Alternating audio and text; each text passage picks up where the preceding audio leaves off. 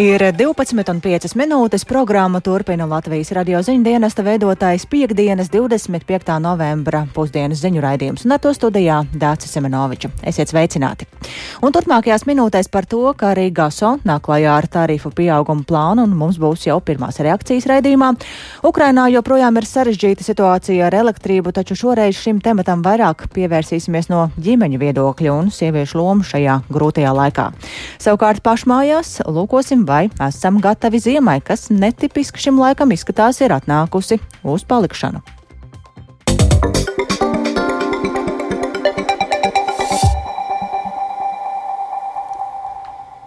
Dabasgāzes sadales sistēmas operators GASO no nākamā gada plāno palielināt dabasgāzes sadales pakalpojumu tarifus, un tas ir iesniedzis jaunos tarifus sabiedrisko pakalpojumu regulēšanas komisijai, un palielinājums ir paredzēts gan mainīgajai, gan arī fiksētajai daļai. Paredzams, ka tarifos iekļautās izmaksas no nākamā gada palielināsies par 22%.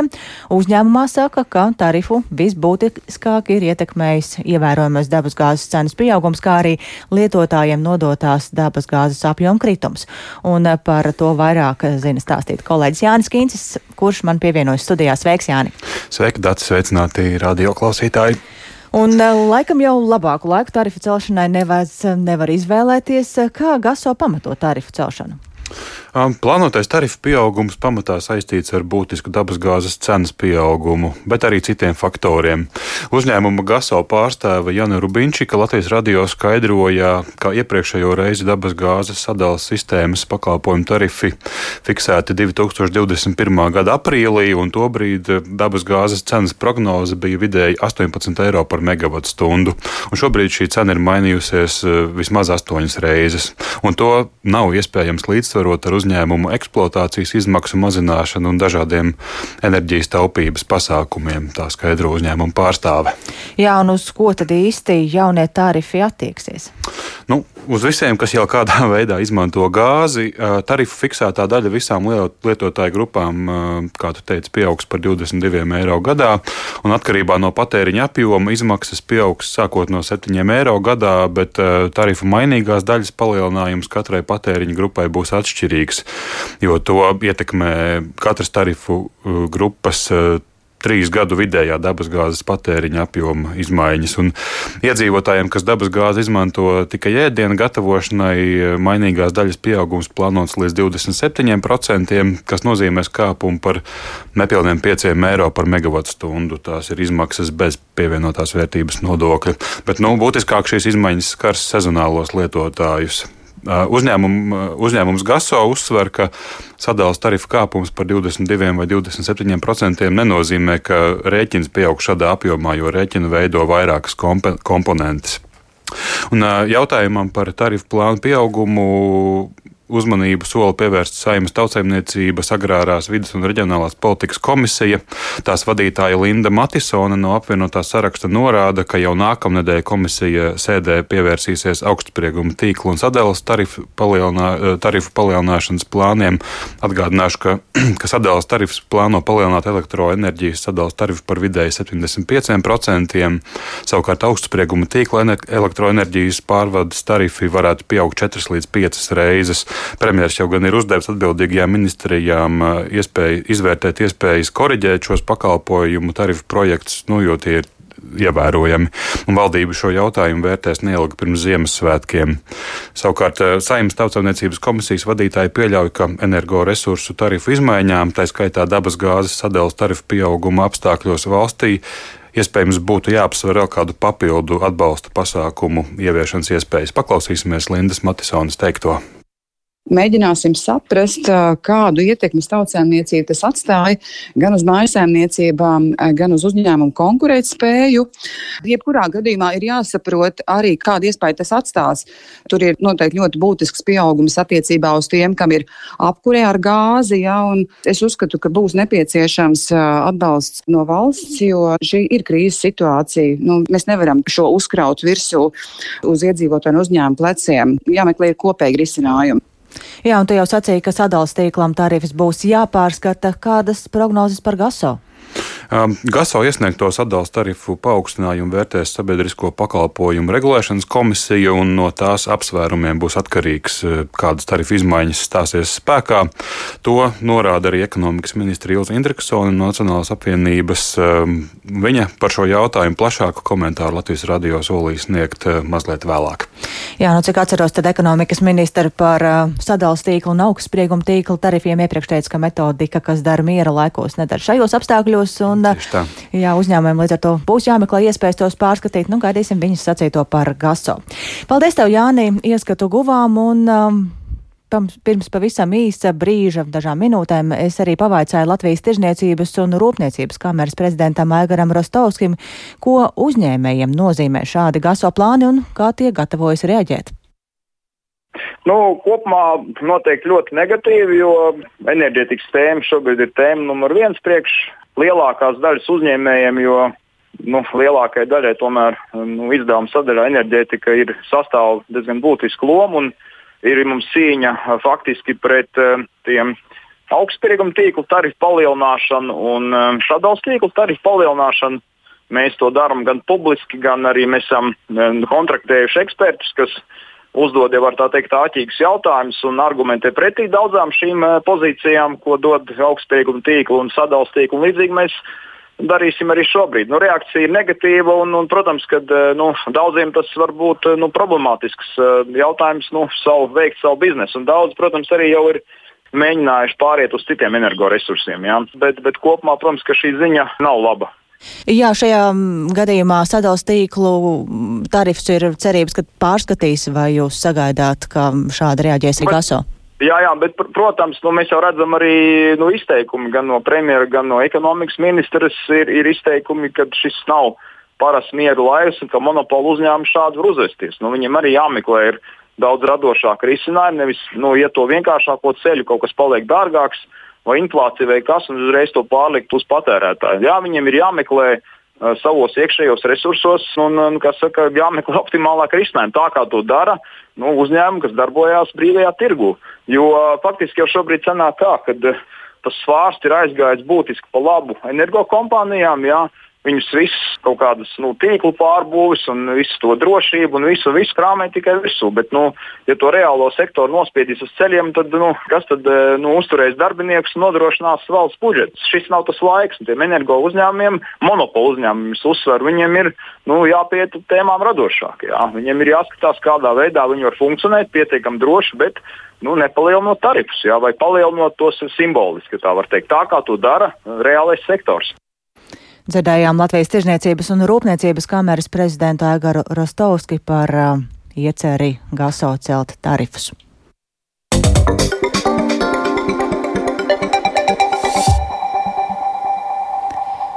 Pēc četriem gadiem visās skolās kā otrā svešvaloda būs jāapgūst kāda no Eiropas Savienības valodām, nevis Krievu valoda. To savukārt nākotnē plāno pārvirzīt uz interešu izglītības jomu. Taču mazākumtautību skolās otrās svešvalodas jautājums kļūs aktuāls jau no nākamā gada rudens, kad 1, 4 un 7 klašu skolēniem būs jāsāk mācīties pēc tādas pašas programmas, kāda šobrīd ir izveidota latviešu bērniem. Kā skolas plāno to risināt un kādas svešvalodas piedāvā, to skaidroja Ieva Puķa. Latviešu skolās bērni šobrīd jau pirmajā klasē uzsāk mācības pirmajā svešvalodā, parasti angļu, bet ceturtajā klasē sāk mācīties otru svešvalodu, parasti vācu vai krievu, kamēr mazākumu tautību skolās paralēli šī brīža mācību valodai, parasti krievu un latviešu valodai, kas ir valsts valoda, skolēni standartā apgūst tikai vienu svešvalodu. Rīgas 40. vidusskolas direktore Jēļena Vediševa izsaka bažas, vai 4. un 7. klasē nākamgad sākot mācības latviešu valodā līdztekus citām pārmaiņu grūtībām par būtisku šķērsli nekļūs otrās svešvalodas skolotāju atrašana Eiropas Savienības valodām. 4. klasītis sāks mācīties pēc latviešu programmām. Tātad 4. klasē man ir jānodrošina otrā svešvaloda, jebkura no Eiropas valodā. Vācu un franču valodas skolotāji ir nemazākā deficītā kā latviešu valodas skolotāji. Rīgas 34. vidusskolā divas trešdaļas skolēnu mācās pēc mazākumtautību programmas, un viena trešdaļa jau tagad pēc latviešu skolu programmas, kur paredzēta otrā svešvaloda. Pedagoģi tās mācīšanai ir piesaistīti, tāpēc direktore Nataļa Rogoļeva raugās nākotnē ar lielāku optimismu. Man ir divas vācu valodas skolotājas un arī franču valodas skolotāja. Arī šogad un nākamgad būtu iespēja izvēlēties krievu valodu kā svešvalodu. Valsts izglītības satura centra vadītāja Liene Varoņenko apstiprina, nākamgad Latvijā arī mazākumtautību klasēs, kas uzsāks mācības latviešu valodā, paliek spēkā tikai prasība par pirmo svešvalodu izvēlēties kādu no Eiropas Savienības oficiālajām valodām, bet par otro svešvalodu šādas prasības nav. Tātad kā otrā svešvaloda var tikt piedāvāt arī kāda cita valoda, Lielākā daļā skolu šobrīd tā ir krievu valoda, sākot no 4. klases. Pārēja uz mācībām tikai valsts valodā notiks nākamajos trīs gados, bet pārējai uz to, ka visās klasēs kā otro svešvalodu apgūs kādu no Eiropas Savienības oficiālajām valodām, paredzēti seši gadi, skaidro Liene Voroņenko. Tie pamatskolu audzēkņi, kas būs uzsākuši mācīties krievu valodu kā otro svešvalodu, šīs mācības arī pabeigs. Jautāta, pēc kādas metodikas krievu valodu kā svešvalodu turpmāk mācīs bērniem, kam krievu valoda ir dzimtā, izglītības satura veidotāji atbildēja. Skolotājam, konstatējot ļoti labas valodas prasmes, ir iespējas korģēt metodes, kā viņš strādā ar klasi, piemēram, piedāvāt paaugstināts grūtības uzdevumus. Tā ir pedagoga rīcības brīvība. Ieva Puķa, Latvijas radio.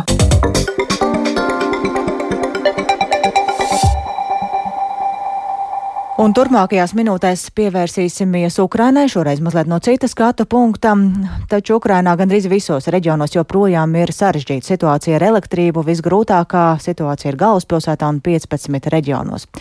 Taču Ukraina izturēs šo ziemu, neskatoties uz augstumu un Krievijas raķešu izraisītajiem elektroenerģijas piegādes pārtraukumiem, un arī turpinās cīnīties.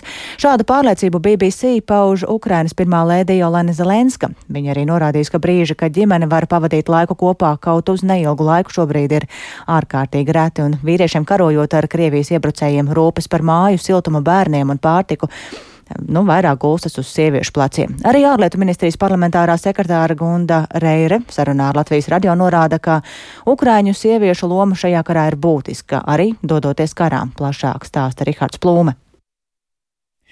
Karš nenoliedzami cilvēku dzīves Ukrainā apgriezis kājām gaisā. Daļā ģimeņu zaudēti tēvi, brāļi, vīri, dēli. Citās ģimenēs rūpes par pārējiem ģimenes locekļiem ziemā nu gulstas uz sieviešu pleciem. Ikdiena neapšaubāmi ir kļuvusi pilnīgi citāda arī Ukrainas prezidenta Valdemira Zelenska ģimenei. To intervijā raidsabiedrībai BBC atzīst Ukrainas pirmā lēdija Olena Zelenska. Viņa atklāja, ka tikties visiem kopā, vīram, viņai un diviem bērniem, sanāk ārkārtīgi reti. Я можу сказати, я вам не назву точну дату. Nenosaukšu jums precīzu datumu, kad pēdējo reizi visi vakariņojām, bet tagad tas ir ļoti reti. Ļoti reti. Mēs maz redzam viens otru četratā, jo es dzīvoju atsevišķi ar bērniem, un mans vīrs dzīvo darbā. Tādi brīži ir īsi, un visvairāk tie pietrūkst bērniem. Mēs pēc tā ilgojamies visvairāk par visu. Visvairāk mums pietrūkst vienkāršu lietu - apsēsties un parunāties tik ilgi, cik ilgi vien vēlamies, runāt par visādām lietām, lielām, mazām, kas notiek ģimenē. Mēs par to runājam, bet tas ir vai nu telefonā vai video zvanā. Mēs pastāvīgi sazināmies, bet tā, ka būtu tik daudz laika, cik vēlamies, tā nav. Diemžēl. Стільки, скільки тобі заманеться, цього немає. Nažēl. Latvijas ārlietu ministrijas parlamentārā sekretāre Gunda Reira, kas šonadēļ viesojās Kīvā, sarunā ar Latvijas radio norāda, ka ukraiņu sievietes nevien ir spējīgas parūpēties par savu ģimeni, bet tām piemīt arī liela drosme, par ko viņa guvusi pārliecību viesojoties Ukrainā. Mēs vakar tikāmies ar studentēm, kuras īsi pēc apšaudas tomēr bija universitātēm, bija atnākušas runāt par Eiropas integrācijas jautājumiem, tā kā arī šeit šī drosme un šī vēlme mācīties arī tā bija redzama. Bet man ir arī jāsaka, ka viena piekdaļa no Ukrainas uh, bruņotajiem spēkiem arī ir sievietes. Tātad katrs piektais karavīrs, kas šobrīd cīnās par Ukrainas neatkarību arī sievietes. Arī parlamentārā sekretāra vizītes laikā Kijevā tikās ar Ukrainas pirmo lēdiju. Olena paudusi pateicību par Latvijas sniegto atbalstu Ukrainai, īpaši karā cietušo karavīru rehabilitācijas jomā. Reira norādīja, ka sievietes Ukrainā cieš no šausminošas Krievijas armijas vardarbības un Latvijas vēlme ir šīs sievietes atbalstīt. Tādēļ ar Latvijas finanšu atbalstu Ukrainas pilsētā Ivano-Frankivskā nākamnedēļ tiks atvērts sieviešu rehabilitācijas centrs. Tur tiks sniegta palīdzība Ukraiņu sievietēm, kas Krievijas agresijas rezultātā cietušas no seksuālās vardarbības. Centrs sniegs ļoti dažāda veida palīdzību, sākot ar to, ka tas būs patvērums sievietēm. Tomēr arī atgūšanās process ir ilgstošs un ļoti smags, tādēļ sievietēm būtu iespējams saņemt gan juridiska rakstura palīdzību, rehabilitāciju, arī dažāda veida psiholoģisku atbalstu. Parlamentārā sekretāra uzsver, ka rietumiem ir jāspēj palīdzēt Ukrainai visos veidos - militāri, politiski, ekonomiski, psiholoģiski un arī tirzniecība ir viens no ļoti spēcīgiem instrumentiem. Šo nostāju viņa šodien paudīs Briselē notiekošajā ārlietu padomes sanāksmē tirzniecības jautājumos. Rihards Plūme, Latvijas radio. Un skaidrs, ka šajā laikā īpaši svarīgi ir tas, kā un kur iegūstam informāciju, un tieši par sabiedrisko mediju lomu veidojot kvalitatīvu informatīvo telpu šobrīd runā biedrības Latvijas Formula 2050 rīkotajā konferencē, kas pirms īsa brīža ir sākusies. Un šorīt par to mans kolēģis Jānis Ramāns runāja arī ar sabiedrisko elektronisko plašsaziņas līdzekļu padomas vadītāju Jānis Siksni, kurš uzsver to, ka pēdējos gados sabiedrisko mediju loma ir pieaugusi, taču lielākais izaicinājums šobrīd ir neziņa ziņa par nākamā gada budžetu? Ir aptuveni aprēķini par to, cik varētu izmaksāt, piemēram, energo cenu pieaugums. Un tad ir jautājums par to, vai atradīs jaunā valdība iespējas kompensēt kaut ko no šī pieauguma. Un, ja jā, tad cik liela būs šāda kompensēšana, un tad jau mēs skatīsimies, vai no kaut kā ir jāatsakās vai ir jāizdara kādas izmaiņas programmā. Restīvi ir risks, ka saturs varētu ciest cenu kāpumu ietekmē un to, ka citas izmaksas pieaug. Protams, ka mēs no savas puses centīsimies, lai saturs tieši ciestu vismazāk. Un, protams, lai tas mazāk ciestu, nu, tas tas pats svarīgākais saturs, teiksim, tā, kas ir ziņas, informācija, analītika, pētniecība un tā tālāk. Bet, eh, jebkurā gadījumā, ja būs jāizdara kaut kāda nopietnīga iezuma budžetā, kaut vai ja būs jāsamazina kapitāla ieguldījuma apjoms tehnoloģijās, infrastruktūrā, tas arī nu, ļoti uh, nopietni var atsaukties uz mēdīju darbu, ņemot vērā, ka Latvijas sabiedriskie mēdīji ir valsts kritiskās infrastruktūras daļa. Nu, būtībā nacionālās drošības daļa. Jā, un nāk komplektā arī ar dažādām pagātnē ielaistām problēmām. Tieši tā, un šeit ir tiešām ļoti daudzi iekrājušies eh, gadu desmitiem, es teiktu, jautājumi, pie kuri beidzot būtu jāatrisina, beidzot būtu jāuzliek tāds ilgtermiņa attīstības plāns. Es jau vairāk un paredzamāk, naudas plūsma ir tas eh, vienīgais risinājums, ja tas tas pirmais risinājums. Es teiktu, ka šobrīd vispār ir vajadzīgs beidzot tas lēmums par to, kādu tad ilgtermiņā mēs redzam sabiedriskos mēdījus vai sabiedrisko mēdīju. Padoma, kā, kā zināms, ir izstrādājusi koncepciju par sabiedrisko mēdīju apvienošanu. Ir vienkārši jāpieņem beidzot lēmums, vai būs šis vienotais mērījis vai nebūs.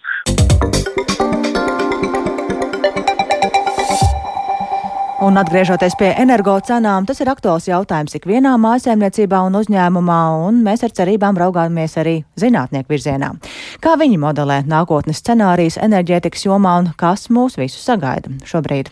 Tāpēc esam sazinājušies ar kolēģi Lindu Zalāni, kura pat labāk atrodas RTU Zinātnes un Inovāciju centrā, kur Rīgas Tehniskās universitātes pētnieki šodien iepazīstina ar nozīmīgiem un aktuāliem pētījumiem enerģētikas jomā.